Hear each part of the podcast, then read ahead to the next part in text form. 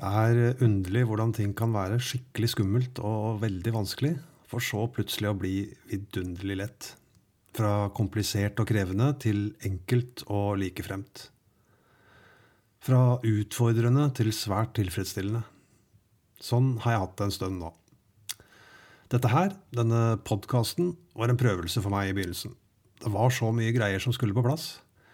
Det var lyd og musikk og mikrofoner og opptaksutstyr, det var temaer og formater og ikke minst frykten for å snakke åpent om hva som foregikk oppi huet mitt.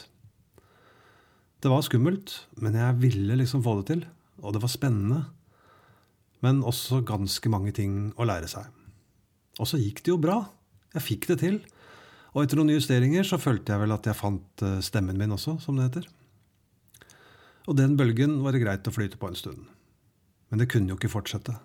Det burde jeg sikkert ha forstått. Jeg burde ha sett det komme, for jeg kjenner meg sjøl såpass at eh, jeg vet at når noe begynner å flyte, så er det vanskeligere å finne motivasjonen til å fortsette. Da må det enten bli vanskeligere, eller det må skje en endring. Rutiner er ikke noe for meg. Hei, jeg heter Alexander, og jeg har vært sånn bestandig. Jeg elsker å jobbe med prosjekter. Storkose meg når vi kan sette i gang med noe nytt, noe spennende, noe som utfordrer meg, noe jeg kan lære noe av, noe jeg må lære noe av. Nye folk, nye steder, nye oppgaver, nye situasjoner. Det har tilfredsstilt rastløsheten min, det har eh, utfordra kreativiteten min, og det har bosta selvtilliten min. Det har også økt kunnskapen min. Selvinnsikten har kanskje ikke fått så mye påfyll underveis, men i det siste har vel det kommet noe der også. Jeg flyr ganske høyt når jeg er i gang med noe nytt. Det er lett å finne energien, lett å glemme å spise, lett å finne de riktige folka å jobbe med eller lære av. Lett å være entusiastisk og positiv, lett å takle litt motgang, lett å være kritisk og lett å stå opp om morgenen.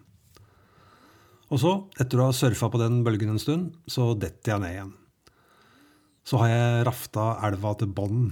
Momentumet faller, og jeg kjenner at interessen og energien bare flater ut. Det har vært gjennomgående i hele livet mitt. Først full fart oppover, så en gradvis utflating, og så uunngåelig kommer nedturen. Sakte og rolig eller fritt fall. Det har faktisk variert litt. Men det går alltid ned igjen. Alltid. Det er så fordømt ironisk. Jeg søker forandring, jeg jakter på endring, og når den kommer, så vil jeg ikke ha den. Det er ikke bra nok. Jeg har hatt det sånn i arbeidslivet. Der holder jeg som regel i en to års tid før jeg kjeder vettet av meg. Jeg har hatt det sånn i forholda jeg har hatt. Jeg dyrker forelskelsen og alt det nye og spennende. Men når den dør ut, og hverdagen kommer snikende, da faller interessen. Da er det plutselig ikke bra nok det jeg har, og jeg henfaller til latskap og trekker meg unna. Jeg har hatt det sånn med steder jeg har bodd. Jeg flytter inn, styrer og ordner og får ting på plass, endrer og tilpasser og finner de løsningene jeg ønsker. Så blir jeg rastløs. Det må da finnes noe bedre?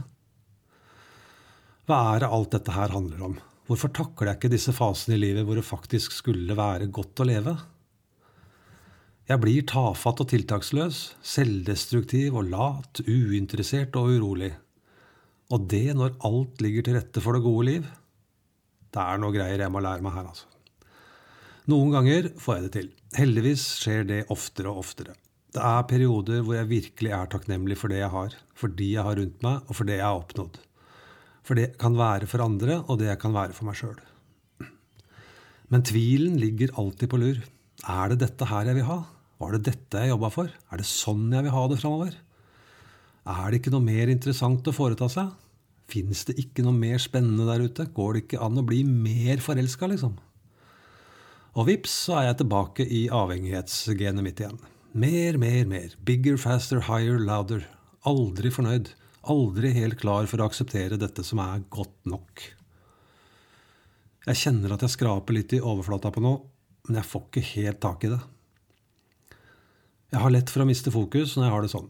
Jeg slutter å se innover og begynner å peke på omstendighetene, Begynner å bruke lupe der jeg egentlig skulle brukt speil.